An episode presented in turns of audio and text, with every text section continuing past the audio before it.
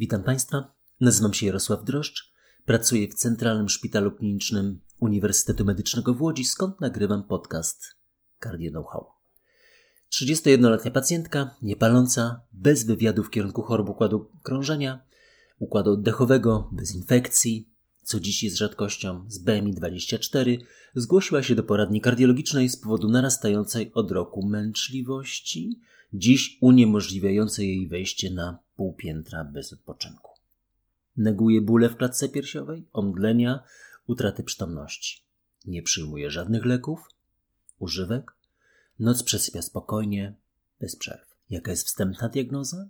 A niewydolność serca, a właściwie jej rzadsza przyczyna, ale częstsza w tym wieku idiopatyczna kardiomiopatia rozstrzeniowa. B. Nadciśnienie tętnicze płucne. Czy C choroba niedokrwienna serca.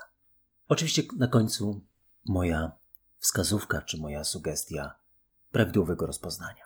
Szanowni Państwo, trzy pytania dzisiaj, jedno dłuższe, dwa krótsze. Zaczniemy od tego dłuższego, tętnicze nadciśnienie płucne. Jest to jedna z chorób rzadkich. Mamy w Polsce około tysiąca chorych na tą chorobę, tętnicze nadciśnienie płucne. Proszę nie mylić z ostrym nadciśnieniem płucnym w przebiegu zatorowości płucnej, bo tych pacjentów jest 50 razy więcej. Co najmniej 50 razy więcej, a w dobie pandemii będzie coraz więcej. I widzę bardzo dużo pacjentów z zatorowością płucną po chorobie COVID-19. Definicja jest prosta i hemodynamiczna. Jest to średnie ciśnienie tętnicy płucnej powyżej 25 mm subartenci. Przypomnę Państwu, że prawidłowy zakres jest od 10 do 20, 20-25 mm subartenci to taka szara strefa, która raczej zdaniem ekspertów pasuje bardziej już do tętniczego nadciśnienia płucnego niż do wartości normy. Jest pięć zasadniczych etiologii, z czego zajmować się będziemy dwoma.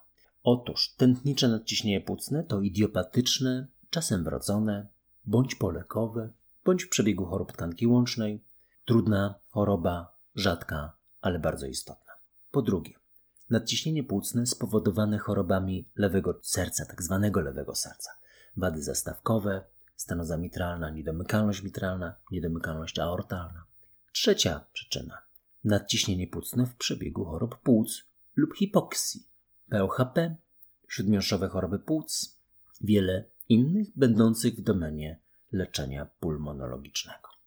Czwarta przyczyna już bardziej nasza, kardiologiczna, internistyczna, przewlekło zakrzepowo-zatorowe nadciśnienie płucne, CTEPH. No i piąte, nadciśnienie płucne o niewyjaśnionej etiologii. Dziś zajmiemy się krótko pierwszą i trzecią przyczyną. Pierwsza przyczyna to tętnicze nadciśnienie płucne. Bardzo charakterystyczny obraz kliniczny. Pacjentka, pacjent w spoczynku jest zupełnie zdrowy. Nie ma duszności, może rozmawiać do momentu, dopóki nie zrobi paru czy kilkunastu kroków, bo wtedy pojawia się masywna duszność z szybkim oddechem, stachypnoe. I to jest zaskakujące, bo pacjenci z niewydolnością serca tak nie mają. Mają duszność na siedząco, nasilającą się w pozycji horyzontalnej i oczywiście przy małym wysiłku. Tu, w całkowitym spoczynku, nie ma żadnej duszności. Konieczne jest wykluczenie przyczyn. Druga, trzecia, czwarta. Przyczyna etiologiczna jak wyżej. W EKG mamy prawogram, nierzadko P pulmonale, przypomnę Państwu 2,5 mm i więcej w drugim i trzecim oraz AVF odprowadzeniach EKG. W echo, i to jest zasadniczy kierunek diagnostyki, mamy przyspieszenie prędkości maksymalnej fali zwrotnej. Taki gradient przedsionkowo-komorowy zwiększa swoją prędkość. Powyżej 3,4 metra na sekundę. I wówczas piszemy o wysokim prawdopodobieństwie nadciśnienia płucnego. Jest jeszcze taka kategoria 2,934 metra na sekundę, gdzie większość z tych, zdecydowana większość z tych przypadków, które ja widziałem, należała do grupy nieprawidłowo leczonej niewydolności serca z przewodnieniem bądź umiarkowanie zdekompensowanych wad zastawkowych. To oczywiście nie jest nadciśnienie płucne tętnicze. I na tym etapie powinno się kierować do ośrodka referencyjnego takiego pacjenta, dlatego że dalsze etapy są już bardzo, bardzo skomplikowane i wymagają bardzo precyzyjnej wiedzy, która jest w 23 ośrodkach w Polsce znakomicie zorganizowana. W Łodzi pan profesor Kasprzak, Szpital Bigańskiego. Jest link w transkrypcie. A co się dzieje dalej? No, pacjent jest poddawany cewnikowaniu serca, bo to jest konieczne dla prawidłowego rozpoznania i leczenia i ciśnienie w tętnicy płucnej jest potwierdzane bądź nie, przypomnę, 25 mm supartenci. Ale jest wykonywany też pomiar ciśnienia, jest wykonywany też pomiar ciśnienia zaklinowania, czyli takiego szacowanego ciśnienia w lewym przedsionku. I ta przedkapilarna postać ma te ciśnienia poniżej 15 mm supratenci, a pozakapilarna powyżej tej wartości.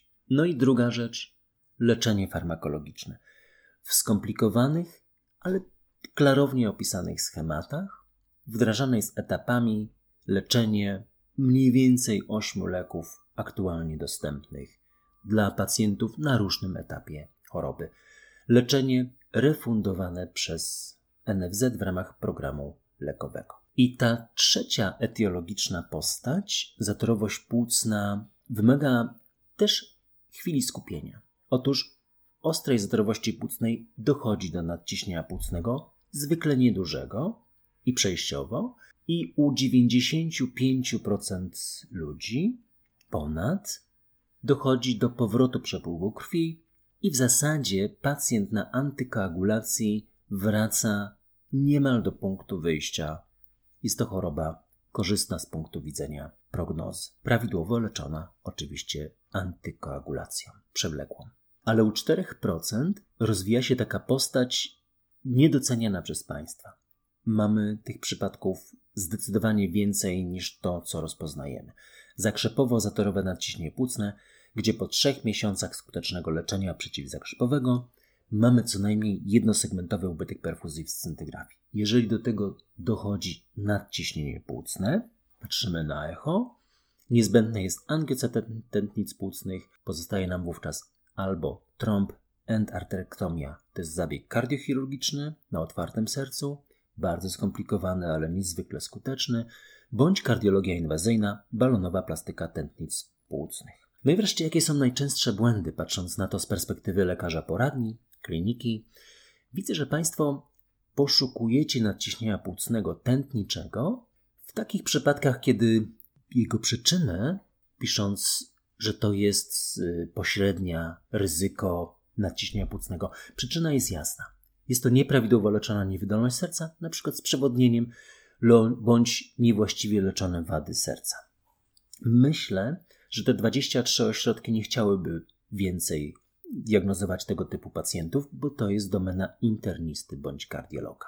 Po drugie, Państwo kierujecie na angiocetet tętnic płucnych przy każdym podejrzeniu zatorowości płucnej. W jednym ze szpitali ledwo co ósmy pacjent kierowany na angio-CT miał zatorowość płucną. 7 na 8 chorych miało wykonane badanie inwazyjne tak, z podaniem dożylnym kontrastu, kontrastu, który ma potencjalną szansę uszkodzenia nerek, badanie drogie, inwazyjne z promieniami rentgenowskimi i nie miało zatorowości płucnej. Stawiam taką hipotezę, że to jest zbyt często. Ja osobiście sięgam częściej do scintygrafii. I zauważyłem też, że lekarze nie zapoznali się z bardzo klarowną tabelą wytycznych. Kryteria klinicznego wykluczania zatorowości płucnej. Prosta, niezwykle istotna tabela. Trzecia sprawa. Kompletnie nie wykorzystujecie Państwo scintygrafii perfuzyjnej płuc. Ona jest wykonywana zazwyczaj z CT klatki piersiowej w tym samym momencie i jest to dokładniejsza, czulna metoda diagnostyki zatorowości płucnej, mniej obciążająca dla pacjenta. Brak kontrastu jodowego jest to metoda powtarzalna i służąca jako odniesienie do kolejnych badań po kolejnym epizodzie zatorowości płucnej, a wspomnieliśmy, że po trzech miesiącach czasem sięgamy do tej metody po raz kolejny. Czwarta sprawa. Państwo podchodzicie zbyt dużym lękiem do zatoru jeździec. Oczywiście w starych podręcznikach jest napisane, że to jest krytyczne zagrożenie życia, ale to życie pokazuje, że jest inaczej. Skuteczne leczenie przeciwzakrzepowe w, zatorze jeździec, który jest rozpoznaniem obrazowym, niezależnie od klinicznej strony, bo oczywiście jeśli jest wstrząs, to mamy zupełnie co innego. Jeżeli pacjent tego wstrząsu nie ma i ma opisany zator jeździec, powinien mieć doustny antykoagulant według klasycznego schematu i nie jest on bardziej zagrożony niż każdy inny pacjent z masywną zatorowością płucną, z masywną obrazowo zatorowością płucną. Piąta rzecz. Trochę nie zauważyli, część przynajmniej z kolegów, że mamy nowe wskazania do trombolizy. One się nieco poszerzyły i obejmują, krótko mówiąc, wstrząs hemodynamiczny. Nie obraz, tylko rzeczywiście obraz kliniczny. I Państwo też czasami zbyt chętnie chcielibyście sięgnąć do pomocy kardiochirurga, do leczenia operacyjnego. Jest to pole bardzo ograniczone i w zasadzie w zdecydowanej większości wypadków ograniczone do CTEPH, o czym mówiliśmy. Szósta rzecz. Nie ma przekonania o niezwykłej skuteczności przewlekłego leczenia przeciwzakrzepowego w środowisku lekarskim. Naprawdę to działanie jest niezwykle skuteczne. Siódma rzecz. Nieznajomość schematów antykoagulacji. Noaki są teraz rekomendowane w wytycznych z 2019 roku. VKA w zasadzie w zespole antyfosfolipidowym i w bardzo specyficznych sytuacjach. A te noaki mają różne dawki. Apixaban 2 razy 10 mg i od tego możemy rozpocząć w ogóle antykoagulację bez konieczności etapu podawania heparyn. Po tygodniu mniej więcej zmniejszamy do 2 razy 5 mg, a po pół roku 2 razy 2,5 mg. Rivaroxaban w tych samych okienkach czasowych 2 razy 15, potem raz 20, a potem raz 10. Jak widzicie Państwo, ten środkowy panel między pierwszym tygodniem, czy od początku drugiego tygodnia do szóstego miesiąca, tylko wtedy jest ten schemat znany z migotania przedsionków. Wcześniej i później dajemy w to w nowym, indywidualnym schemacie dla zdrowości płucnej. Jeżeli chodzi o dabigatran, dawkę mamy 1, 2 razy 150 i wymaga ona podania wczesnego, wcześniejszego heparyny. I trzy ostatnie punkty. Zbyt krótki czas antykoagulacji. Państwo zamierzacie odstawić antykoagulację po 3 bądź 6 miesiącach. Powiem całkowicie odpowiedzialnie, jest to najczęściej niewłaściwe. Nie został usunięty czynnik prowadzący do zakrzepicy, a zatem lekarz nie powinien odstawiać antykoagulacji. Dziewiąta rzecz. Nadmiernym optymizm przy poszukiwaniu wrodzonych zaburzeń krzepnięcia krwi. Nawet znalezienie nie rozwiąże problemu. I zazwyczaj pacjent jest na antykoagulacji. Kierujcie Państwo, ale leczcie przeciwzakrzepowo. No i dziesiąta sprawa, brak diagnostyki w kierunku CTPH, takiej formy nadciśnienia płucnego, uzależnionego od nawracającej zdrowości płucnej czy od nierezolującej y, zdrowości płucnej. W transkrypcie są linki do wytycznych i do kursu na platformie BTK Nadciśnienie płucne, niewydolność prawej komory pana profesora Adama Torbickiego, który jest kursem specjalizacyjnym na stronie PTK Polskiego Towarzystwa Kardiologicznego. I dwa kolejne krótkie sprawy wykorzystanie sztucznej inteligencji w medycynie. Z pewnością wykorzystujemy to nawet o tym nie wiedząc. Obraz echokardiograficzny, przypomnę Państwu, składa się z 64, 128 bądź 256 cienkich linii. To właśnie sztuczna inteligencja i takie techniki interpolacji pokazują to nie jako formę kresek, ale formę obrazu trójwymiarowego nierzadko, który lekarz jest w stanie bardzo łatwo zrozumieć. Po drugie, w technikach statystycznych sam wykorzystałem przed 20 laty i przedstawiłem na American College of Cardiology taką analizę przewidywania ryzyka zgonu w zawale, sięgając po sztuczne sieci neuronowe. Skuteczna, fantastyczna metoda diagnostyczna ale w poradni ta sztuczna inteligencja jak na razie się nie sprawdza. I ostatnia rzecz, literatura, która pomogłaby mi zrozumieć podstawowe pojęcia i wyzwania, z jakimi mierzy się współczesna kardiologia. Oczywiście Szczeklik, tego bym zaczął, aczkolwiek ja kiedyś zacząłem od Gerda Herolda i to jego Innere Medizin, jeszcze wtedy czytane po niemiecku w 1989 roku, spisane wykłady niemieckich Y, lekarzy. Y, pozwoliły Gerdowi Heroldowi, widziałem go wówczas w Niemczech, to jest rocznik 45, wyśmienity lekarz praktyk. Te spisane wykłady były naprawdę fascynującą y, podróżą po współczesnej medycynie. Oczywiście zaczęło się wszystko od kardiologii, bo taki był pierwszy rozdział. Za pierwsze zarobione pieniądze kupiłem sobie tą książkę. 50 marek. Ale zapraszam do stażu w klinice kardiologii, w poradni kardiologicznej. Mamy na przykład tutaj w Centralnym Szpitalu Klinicznym hotel, niedrogi, gdzie można byłoby spędzić pewien czas, dni spędzając u nas, czasem może i również pewne dyżury towarzyszące. Zapraszam. Proszę o kontakt mailowy.